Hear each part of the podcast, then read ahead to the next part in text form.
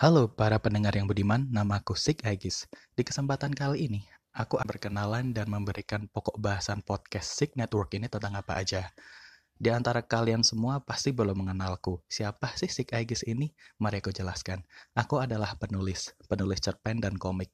Kalian bisa baca-baca karyaku di www.watcherpro.com atau kalian bisa buka aplikasi Ciayo dan baca karyaku berjudul Sinkrona. Kebanyakan sih tulisanku bertema mitologi.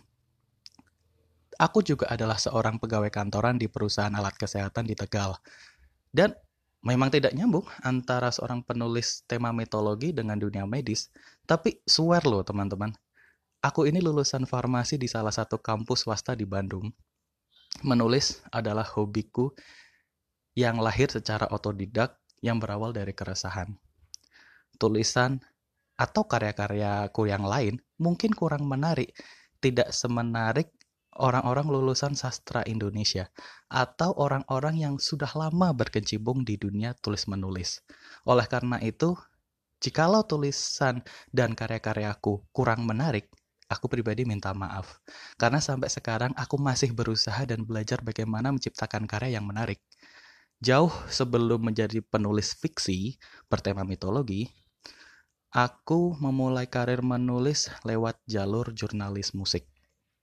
Press of Gang namanya. Pemilik majalah online itu bernama Mas Pameta Andi, yang sebelumnya juga memiliki majalah online ber, bernama This Time Easy Core.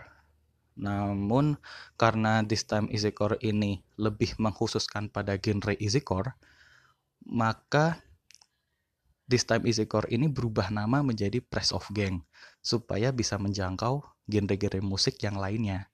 Gitu sih ceritanya dari Mas Pameta Andi. Lalu sempat ke-trigger gara-gara lihat komik judulnya Nusantara Ranger yang sekarang mungkin namanya Nusa Five. Nusantara Ranger sendiri atau Nusa Five adalah karya Mas Sani Budi yang berkolaborasi dengan Mas Weta Kartika dan tim. Tergerak dong hati ini untuk membuat karya fiksi juga, hingga terciptalah sebuah karya pertamaku berjudul Centurion yang kemudian berevolusi menjadi The Watcher melalui tahap perbaikan dan remake tentunya sampai detik ini.